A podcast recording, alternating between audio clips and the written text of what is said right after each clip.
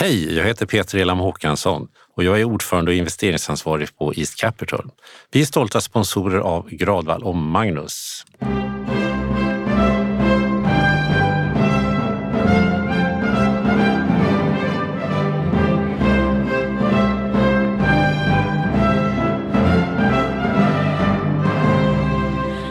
Eurovision är ju ett av de största tv-formaten genom tiderna och som har funkat, vad är det, i 65 år.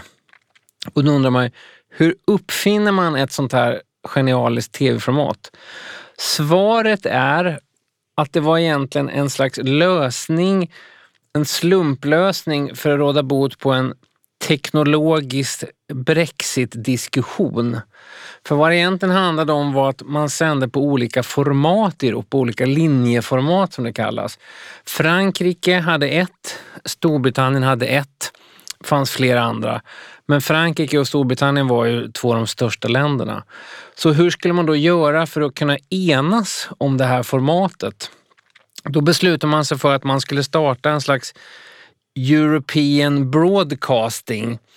Att försöka hitta en europeisk standard. Då försökte man hitta på ett programformat för det här. Och man testade olika saker. En sak var att det skulle vara en slags amatörshow som skulle gå över hela Europa. Ironiskt nog lite som Talang har blivit senare. Men till slut så säger man då att okej, okay, vi kör Eurovision Grand Prix som man startade 1956. Det var tio länder. Eh, den sändes till tio länder. Sju länder deltog och framförde två låtar vardera.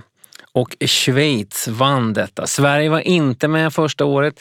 Inte heller faktiskt Storbritannien trots att de hade startat diskussionen. Det var fortfarande en massa teknologiskt Brexit-strul. Men hela Eurovision som vi har idag startades alltså egentligen av en slump.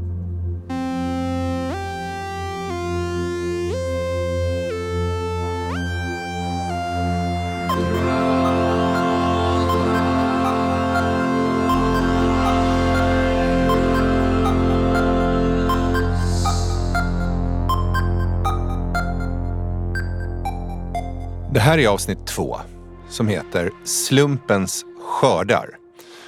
Och det handlar om hur slumpen och turen är vår vän och fiende. Och jag har tänkt på det ibland, Janne, att vill man göra en rik person irriterad, det kan alltid vara en bra idé, så ska man ju säga du hade bara tur. Och det kan ju betyda olika saker. Tur, när vi sätter ett O framför det så betyder det att du ramlade och slog dig, det var något bortom din kontroll. Men som vi kommer prata om i det här avsnittet så handlar ju också tur om att det finns ibland någonting som man råkar snubbla på, någon man råkar springa in i. Någonting som råkar komma till en och eh, man lyckas genom den andra formen av tur skapa någonting något bra, något intressant, någonting nytt. En fotbollsspelare som tränar hårdare än andra tenderar att ha slumpen på sin sida mer än de som inte gör det. Ju mer jag tränar desto mer tur har jag, som, som också är ett ganska utnött citat. Eh, jag vet att när Anita Roddick, Bodyshops grundare, fick frågan Hur trendspanar du? Vad är viktigt för att bli trendspanare? Och då sa hon för mig är det väldigt viktigt att vara en opportunistisk samlare. Man ska alltid samla på sig saker. Man vet kanske inte vad de ska ha dem till, men jag tar dem med mig i ryggsäcken så kan jag plötsligt plocka fram dem när jag har nytta av dem. Det kan man se i, i ett antal konstnärer och arkitekter. Eh, en av Portugals främsta konstnärer, Paula Rego, väldigt, väldigt känd för, för sagomotiv. Hon, eh, hon lämnades av sina föräldrar kvar i Portugal för båda föräldrarna var utsatta för, för regimen i Portugal.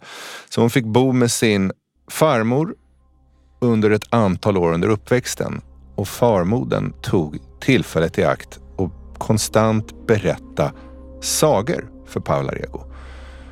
Och det var ju allt det som hon sen, senare i livet, kunde väva in. Frank Gehry, känd arkitekt. Allt han gör ser ut som att man har knögglat ihop stanniolpapper ungefär. En av de viktigaste, mest formativa upplevelserna han hade var att hans farmor brukade köpa karpar, levande karpar, fiskar på marknaden. Tog hem, la i badkaret i väntan på tillagning. Så Frank Gehry, liten pojke, kunde sitta och titta på karparna, formen, silvriga fjällen. Väldigt många av hans byggnader är ju karpliknande och framför Hotel Arts i Barcelona är till och med en staty av två fiskar, karpliknande, som simmar om varandra. Likaså kan man ju ta Notorious B.I.G. rapparen även känd som Biggie Smalls. It was all a dream. I used to read Word Up magazine. Salt and pepper and heavy D up in the limousine. Hanging pictures on my wall. Every Saturday rap attack Mr Magic Molly Mall. Som då, det är ingen tillfällighet så att säga att han hade slumpen på sin sida och blev en av historiens två bästa rappare. Han hade en granne som blev som hans mentor, en, en, en framstående jazzmusiker som såg till och ta med honom på museum och modern art. Ehm, han såg konstnärliga filmer på såna här arthouse cinemas och han lyssnade enormt mycket på jazz. Så att Notorious B.I.G.s unika timing bygger på, för att förenkla, att han rappar egentligen som en jazztrummis spelar.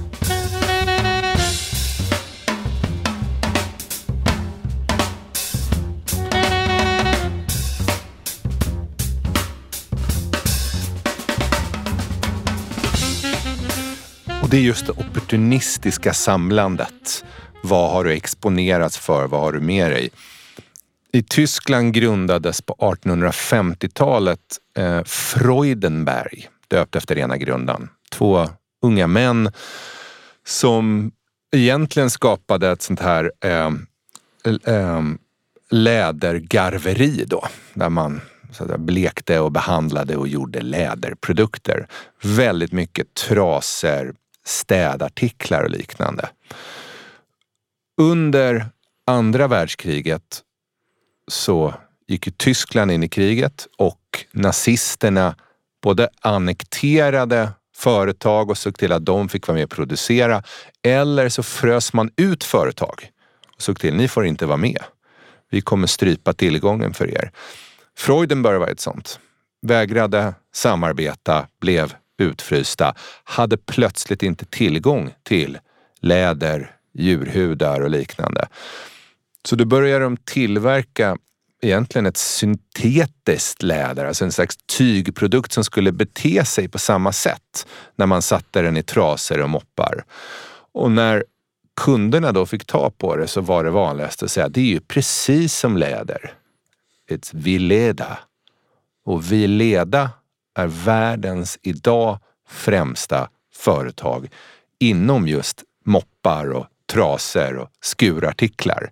Och det kom alltså slumpmässigt, men den tursamma slumpen, mm. det, man, det man som på engelska heter serendipity, att man har ett gynnsamt lyckokast, kom just ifrån att de var då tvingade att jobba på ett annat sätt. Det gäller också det här att man, för att man ska få ha så att säga inom stationstecken turen på sin sida innebär att man lämnar plats för slumpen. Att, att slumpen kan få finnas där.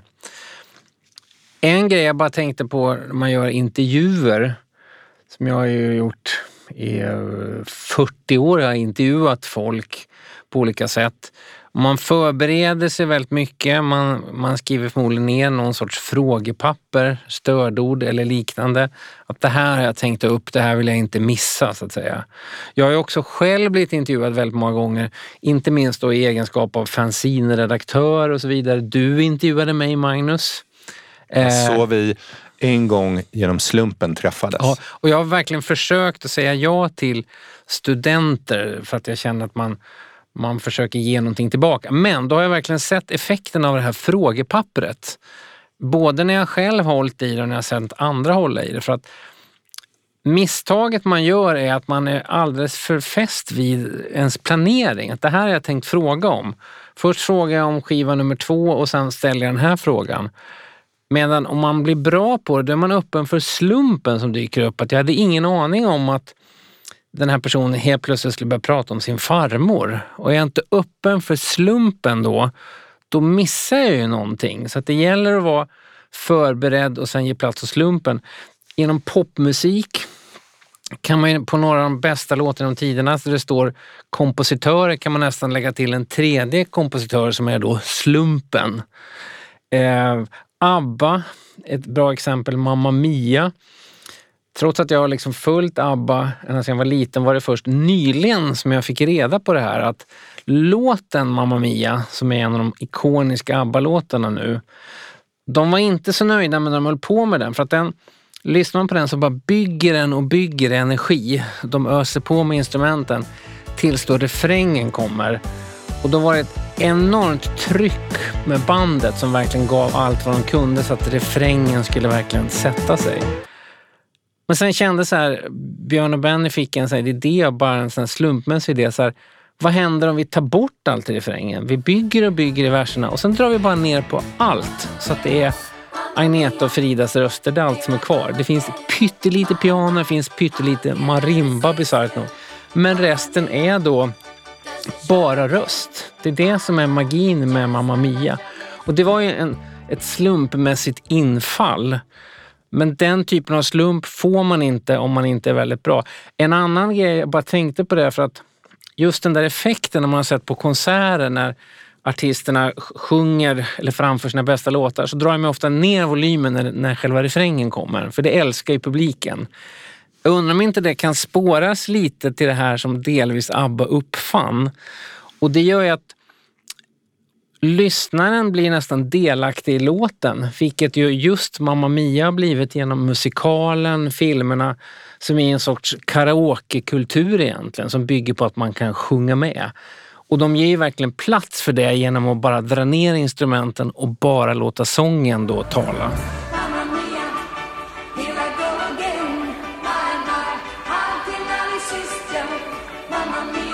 I idrott så pratar man ibland om um, turskicklighetsparadoxen.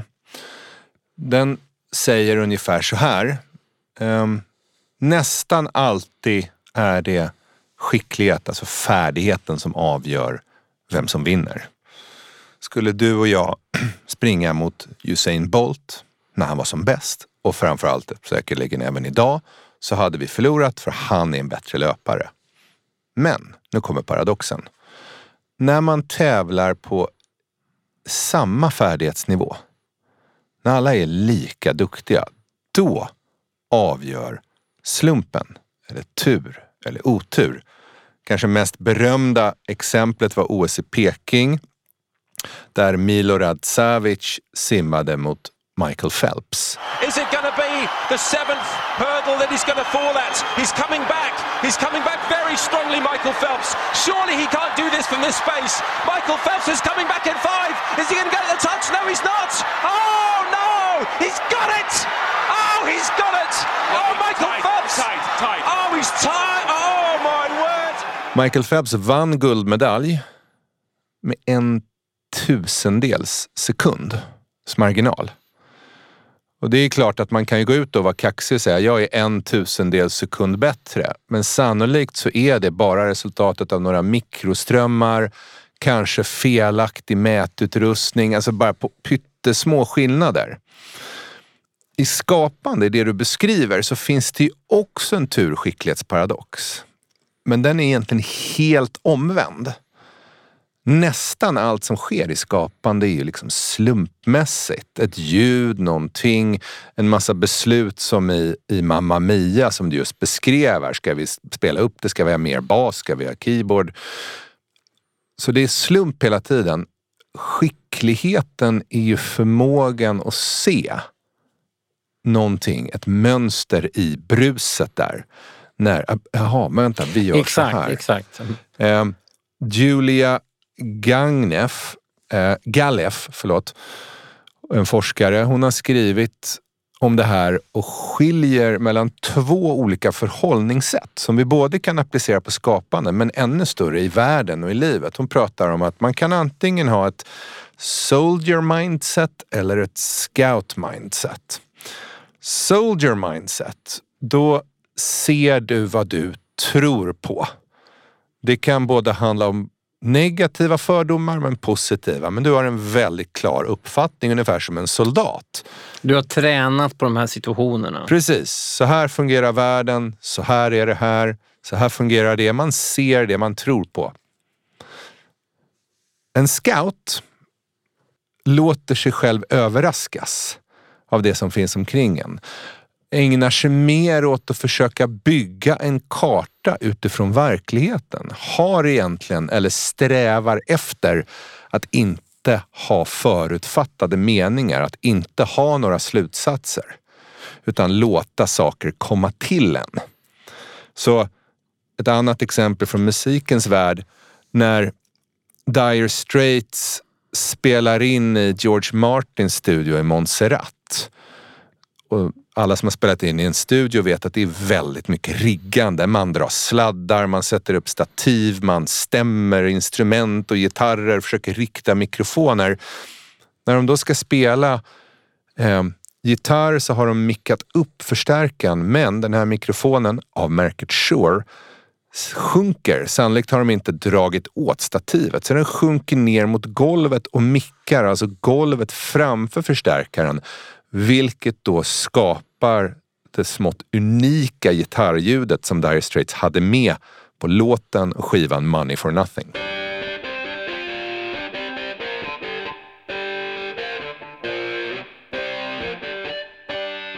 Det finns faktiskt nu en dokumentär om den här Beatles-producenten George Martin, om den här studion som han byggde då på Montserrat, en, en karibisk ö, en paradisstudio, som hade sin guldperiod från 1979 till 1989. För då kommer en tyfon och blåser bort allting. Och sen precis när de börjar bygga upp det igen så, så får vulkanen utbrott. Och, och, det är ingen som kan använda den där studien längre. Det var bara en parentes. Men jag tänkte på det du sa var så superintressant det där på militärens blick eller scoutens blick. Det kan man ju titta på sånt som 9-11 till exempel, att man då hela tiden tittade efter det man var tränad efter att titta. Hade man haft scoutens blick då så kanske man hade upptäckt det här som ingen kunde förutse riktigt. Eh, så det, det tror jag är jätteviktigt hela tiden, att man har bestämt sig för vad man letar efter, ger en begränsning. Men när man är öppen och har scoutens blick, då kan man ju bejaka slumpen när den kommer. Jag nämnde Mamma Mia förut, en av tidernas största svenska låtar. The Look med Roxette är ju en annan. När Per Gessle då våren 88 känner att Roxette är ett ganska traditionellt gitarrrockband då, eh, som fortfarande går i Gyllene Tiders fotspår. Men han känner att han vill in i maskinvärlden som han uttrycker det. Han är nyfiken på det här med synthesizers men kan ingenting. Så han köper en, en Sonic ESQ1, öppnar förpackningen och märker att det är en väldigt komplicerad instruktionsmanual. Och han är en ganska rastlös person och känner att det här orkar inte jag läsa. Så han börjar trycka då slumpmässigt på den här nya apparaten han har köpt. Och när han sitter och trycker på den här så skriver han två låtar. Den andra heter, eller den ena heter då Don't Believe in Accidents um, som hamnar på en B-sida och den andra heter The Look. Så det var ju tack vare att han då slumpmässigt började trycka på de här knapparna Eh, och han hittade bara på ord som dök upp i huvudet. Walking like a man, heading like a hammer, she's a juvenile scam. Never was a quitter, like a raindrop, she's got the look. Fullständigt obegripliga fraser för alla. Men de funkar ju med den här melodin. Så att hela The Look är ju verkligen en slumpens skapelse. Och jag menar en annan person, förlåt, som hade köpt en synt hade ju inte kunnat skriva den låten utan det bygger på att Per Gessle har ägnat hela sitt liv åt popmusik och då kan vara öppen för slumpen som berikar det han redan kan.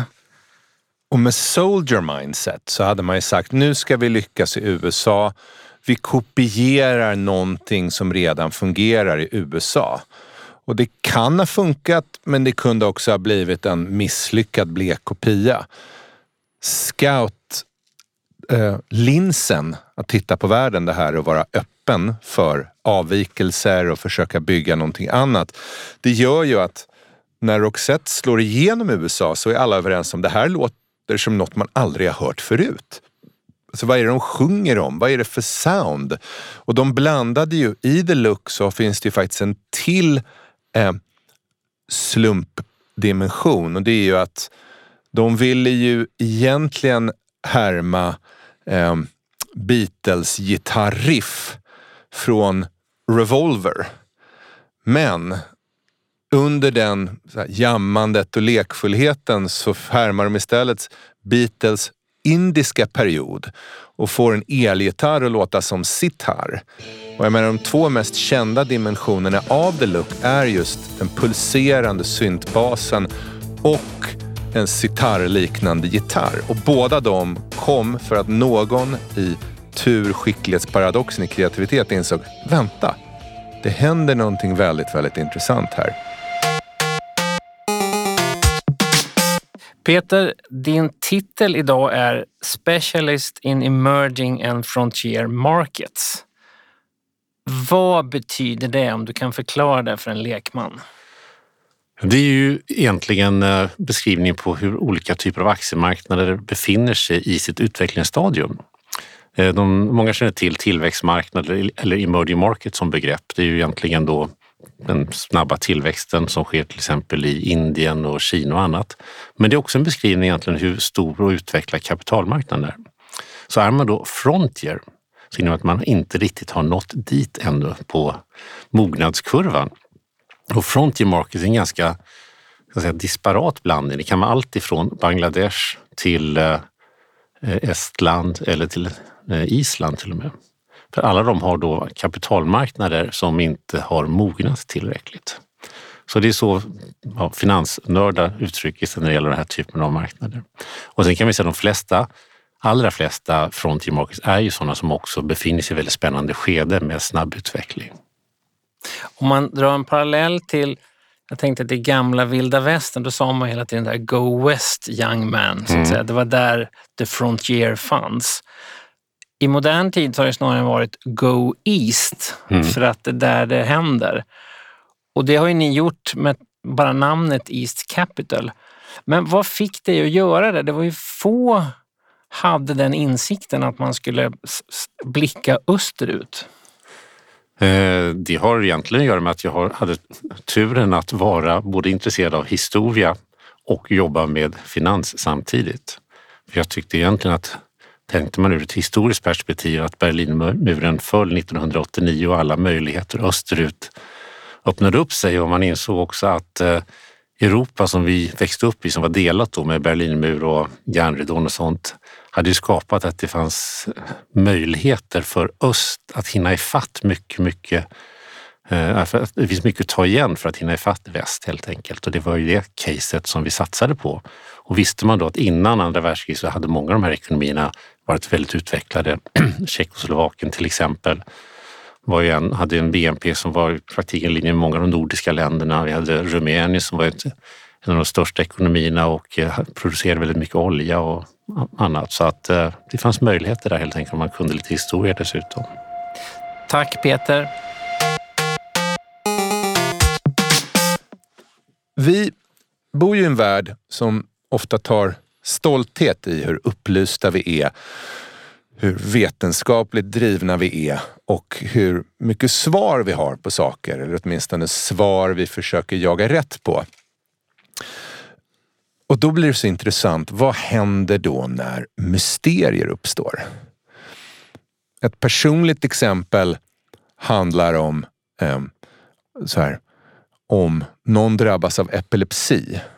Och drabbas barn av epilepsi så kan det bero på en tumör eller så är det ett mysterium, så kallad barnepilepsi. Ibland växer det bort, ibland inte. Man vet inte vad det beror på. Men folk blir väldigt, väldigt eh, frustrerade av. Vi vet inte vad det här beror på.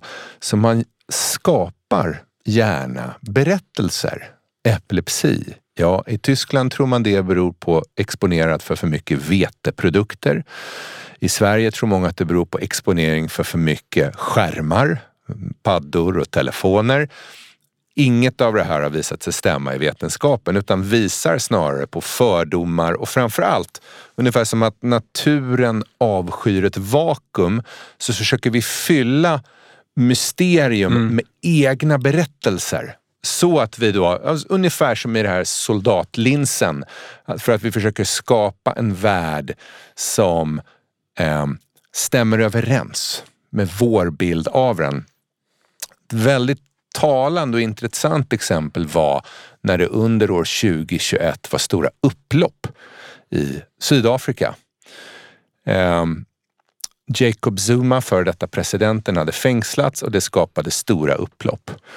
Eh, Sveriges ambassadör, tidigare socialdemokratisk partiledare Håkan Juholt intervjuades och så ställde man frågan då, vad, vad, vad beror upploppen på? Och då sa han, ja det beror på fattigdom.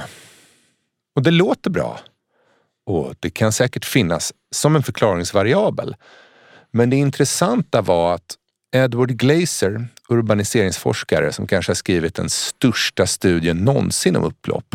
Han skrev om Los Angeles Riots 1992 som var väldigt liknande Sydafrika. Människor plundrade butiker, stannade bilister, våldsamheter och skadegörelse. Och som uppkom ju genom den här Rodney King-filmen då. Rättegång, mm, precis. Mm. Eh, han tittade på faktorer för det här upploppet. Det fanns en mängd olika delar. Det var både hur politiskt aktiva människor var, vad de hade haft för position i samhället, eh, tillgång till vapen, Eh, var människor satta i arbete eller inte. Men han sa den sämsta förklaringsvariabeln till upploppen var eh, disponibel inkomst. För han tittade nämligen på skillnaden mellan olika grannskap i Los Angeles och sa eh, tvärtom, det var inte i de fattigaste som de största upploppen skedde utan det var i relativt rika liksom, områden. Eh, det fanns inte stora slutsatser att dra med att det var fattigdom och, och eh, för stora klyftor. Och det är så intressant här för en forskare närmar sig ju, inte alltid men ofta, med scoutens sätt medan en tidigare parti, partiledare och en politisk representant som en ambassadör är kommer ju vilja ha en förklaringsmodell som stämmer överens, som låter rimlig. Mm. Det ser man exempel på hela tiden, att man är så ivrig att komma med förklaringen så man drar förhastade slutsatser inom allting. Men jag tänkte att om man ska, om man ska vara en bra förälder, om man ska vara en bra lärare eller en bra politiker så känns det som väldigt viktigt att man inte bara har då militärens blick utan då scoutens blick. Att man faktiskt ger man lämnar öppet för så att säga slumpen. Att det kan uppstå saker som man inte har planerat. Med risk för högtravande, utvecklingen i Kina just nu är väldigt intressant. Säga vad man vill om Kina då, men nu har de ju faktiskt lyckats med några företag som Tencent och det har uppstått en form av kinesisk kapitalism egentligen som varit ganska framgångsrik. Nu har ju då Xi Jinping startat vad man kan kalla en andra kulturrevolution som den heter då och helt plötsligt slå ner på allting och förstatliga de här företagen som har lyckats bäst. Eh, de har gått in med nu att kinesiska staten säger att barn får endast spela spel eh, en timma på helgerna. Alltså inte föräldrarna säger det utan kinesiska staten säger detta. De fördömer då popstjärnor, plockar bort dem från sociala medier och det som inte är god kinesisk kultur, det som inte hyllar Xi Jinping ska bort. Vilket är en fruktansvärd utveckling. Man kan dock vara lite skadeglad för att genom att på detta sätt ta bort all form av intuition, skaparglädje, öppenhet för slumpen, det kommer inte att fungera på, på längre sikt. All alla historiska exempel har visat på det tidigare att så länge kinesiska folket tycker att deras vardag blir bättre och bättre så kan de acceptera en diktatur. Jag tror inte de har några problem med det. Men om de känner att deras vardag blir sämre, då kommer det uppstå ett missnöje. Det är bara att titta på Östtyskland. Att DDR-regimen trodde ju att folket älskade dem. De var helt övertygade om det. Tills den dagen de insåg att, att de älskar det absolut inte. Men från en förälder, från en företagsledare och från en, en härskare så ser frihet ut som en ganska dålig idé. Alltså om vi bara går tillbaka till Dire Straits-exemplet. Vi säger att jag är lite så här halvdespotisk eh, eh, skivbolagsdirektör. Nu har vi ett mål, ni ska spela in åtta låtar, det kostar pengar varje dag, nu måste ni köra. Jag vill komma och ha uppföljning varje eftermiddag och titta. Det låter ju som att det är ett lite bättre sätt att styra, för då har du koll på räkenskaperna och vi har ett tydligt mål. Men det skulle ju stänga luckan för den här improvisationen, eh, slumpen och allt det vi just har beskrivit. Likadant med en förälder. Men vad då? ska mitt barn få gå ute och göra vad de vill? Ska jag, vänta, är det inte bättre att jag låser in dem i källaren? Mm. Eller åtminstone håller koll, eller har en spårningsapp. Mm. Precis, eller det behöver inte ens vara så drastiskt för jag tror att Precis som när man träffar en partner har man en föreställning om hur den här partnern ska vara. Man har så här, så här ser den eviga kärleken ut. Hon eller han ska se ut på ett visst sätt. Sen hamnar man i verkligheten så märker man att ingenting är ju som man har föreställt sig överhuvudtaget. Men förhoppningsvis kan det bli ännu bättre. Man har ingen aning om att så här kunde det bli. Likadant är att vara förälder. att När man stöter på olika saker som visar att ens barn inte följer den väg som så att säga barn bör göra inom situationstecken då får man vara väldigt öppen för att okej, okay, det här blir inte som vi har tänkt oss, det här blir annorlunda. Det tycker jag man påminns om hela tiden. Men jag, jag tänker då, för det här, vi pratar ju också om det här att man gärna fyller vakuum, mysteriets vakuum med berättelser. Och människor ger ju ofta förnumstiga tips till föräldrar. Så här borde det vara. Vi gör en podd om kreativitet och skapande. Det fylls också av en massa råd som inte handlar så mycket om verkligheten utan mer så här skulle jag vilja att kreativitet var. Jag skulle vilja att det handlar om mångfald, samarbete, glädje och eh, positivt tänkande. Men kreativitet som vi ofta visar och kommer visa längre fram i den här säsongen handlar ju ofta om mörker, smärta smärta, ångest, sorg, despotism. Det kännetecknas ju ofta att det inte finns några regler. Nej, de här tio tipsen finns inte. För, för så vill man ju ha. Så har ju de flesta böcker om kreativitet varit uppbyggda. Att 18 tips för att bli mer kreativ, 23 tips för att... Men vi vill ju snarare skjuta det i sank och, menar på det, det ganska beska pillret att svälja är att det är mycket mer komplicerat än så. Ja, men också mer romantiskt och öppet. När en stat pratar om innovation, och vi tycker helst inte att stater ska prata om innovation, då blir det ofta det här uppifrån och ner, soldatsynsättet. Nej, men fler ingenjörer och patent som jobbar med samhällsnyttiga frågeställningar, då blir det innovation. Medan verkligheten visar ju något helt annat. Det är ju nerifrån och upp. Det är ju en experimentell process. Tydligaste exemplet på det är sannolikt eh, läkemedelsbranschen. När man gjorde en stor studie av FDA, världens mest mäktigaste läkemedelsverk i USA, så tittade man på hur många läkemedel var så kallade target-based, det vill säga vi har en sjukdom vi vill utrota, vi vill utveckla antingen vaccin, botemedel, någonting som lindrar. Och hur många var inte det? Det vill säga de hade nytta, men det var någon helt annan nytta. Ehm, och då visar det sig, senaste hundra åren, eller ungefär så länge som FDA har, har funnit, så, så var en tredjedel av läkemedlen var target-based. 30 procent. Det var sådana som man hade då sagt, det här ska vi bota. Resten, alltså majoriteten, var saker som man hade sett att det fungerade, men man visste inte varför. Eller så applicerade man det i ett annat område. Biontech är ett sådant exempel. Höll på med MR, mRNA eh, immunoterapi för cancerbehandling, läser om ett virus i Wuhan, sekvenserar mm. det och säger vi kan använda all vår forskning till att lösa ett helt annat problem.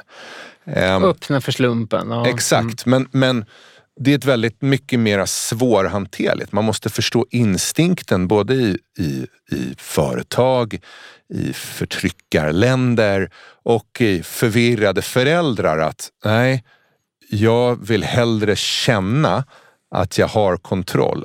Även om då det kommer sannolikt vara mer förödande över tiden. Mm. Men det är ofta det här att någon uppifrån vill ha kontroll i allting. Eh, Jakten på en mördare, väldigt bra svensk tv-serie som Mikael Marciman har gjort, som är nästan oändligt tråkigt gjord för att den speglar verkligheten. Att man flyttar på papper, sätter upp post-it-lappar och så får man tag på en mördare. Men den driver ju även med det här New Public Management-vågen som har dragit in över hela Sverige då under den här perioden. Det är att alla måste fylla i sina tidrapporter. Och då är det, det är, även poliserna ska fylla i sina tidrapporter för nästa år. Det vill säga att hur många timmar kommer du lägga på pedofiler? Hur många kommer du lägga på pyromaner? Och en av de där det säger att det är helt besatt. jag har ingen jävla aning. Jag vet inte hur nästa år ser ut. Så att säga. Men det är den här kollisionen att det här militäriska, man vill ha ordning och reda men så ser inte verkligheten ut. Nej, och, men, men det blir ju kontrollillusion. Och människor, det är ett väldigt basalt behov. Det var kanske det jag försökte beskriva innan. Vår, vår känsla av kontroll är så pass viktig att vi kan ibland begå våld på sanningen. Det är så väldigt många konspirationsteorier uppstår. De är ju tagna ur intet, men de är skapade antingen för att det finns ett alldeles för stort mysterium eller för att förklaringen som har getts inte är tillfredsställande. Det kan inte vara 19 förvirrade snubbar med mattskära. Det måste ha varit både staten Israel och det amerikanska State Department som förorsakade 11 september. Man nöjer sig inte med det lilla. Det kan inte ha varit halvalkoholiserad Skandianställd. Det måste ha varit en internationell terrorgrupp. För det fanns ju walkie-talkies på stan. Exakt. Ehm, det här har ju blivit väldigt tydligt senaste åren. Det kallas för patternicity. Att se mönster där det egentligen inte finns några.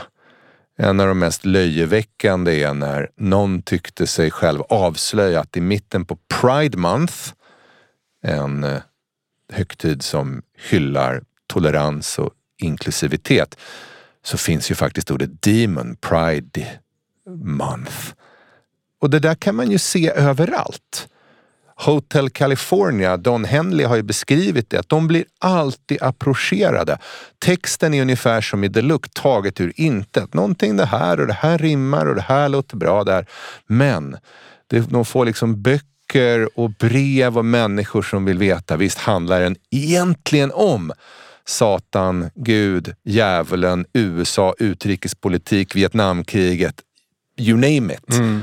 Och det uppstår ju just av vår vilja att försöka se mönster där det egentligen inte finns några.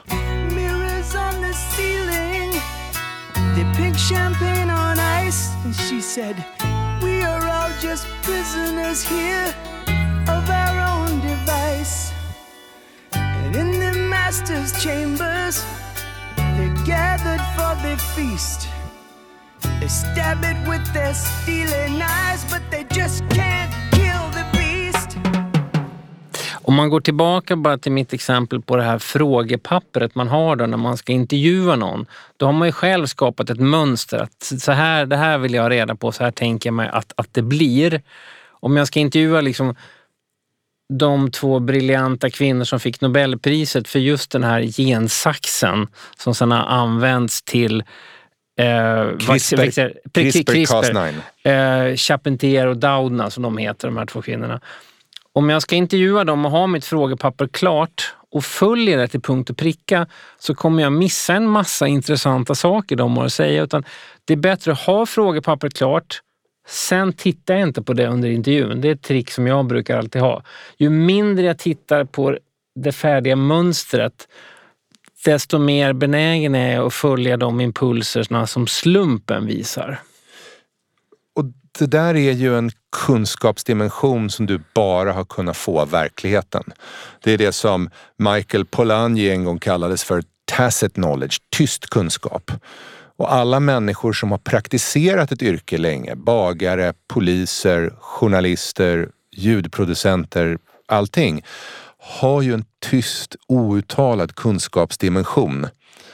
En person som vi kanske en dag skapar en hyllningspodd till, vi vet inte, det är ju skivproducenten Brian Eno. Han sa nämligen följande, apropå att ha ett scout-lins, hålla sig öppen och värna den tysta kunskapen. The point about working is not to produce great stuff all the time, but to remain ready for when you can. There's no point in saying, I don't have an idea today, so I'll just smoke some drugs. You should stay alert for the moment when a number of things are just ready to collide with one another. Vi pratar i det här avsnittet mycket om slump och se till att lämna plats för slump. Och slump, man kan också tala om intuition. Hur mycket intuition var det hos dig som fick dig att ta det här beslutet?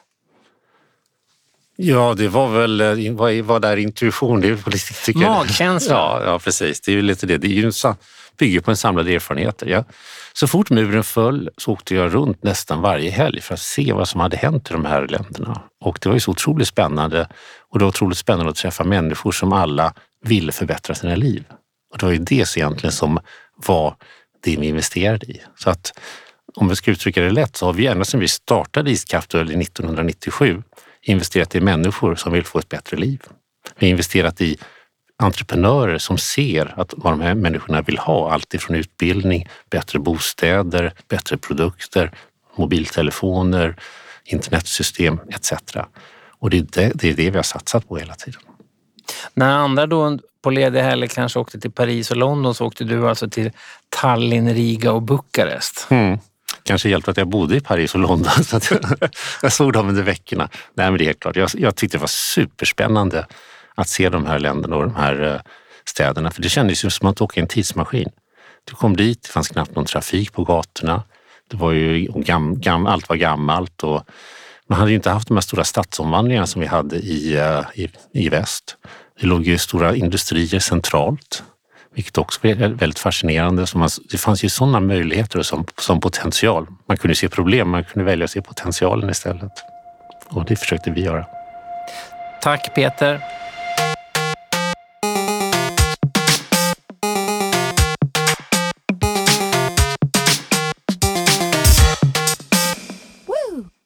Du har lyssnat på Gradvall och Magnus.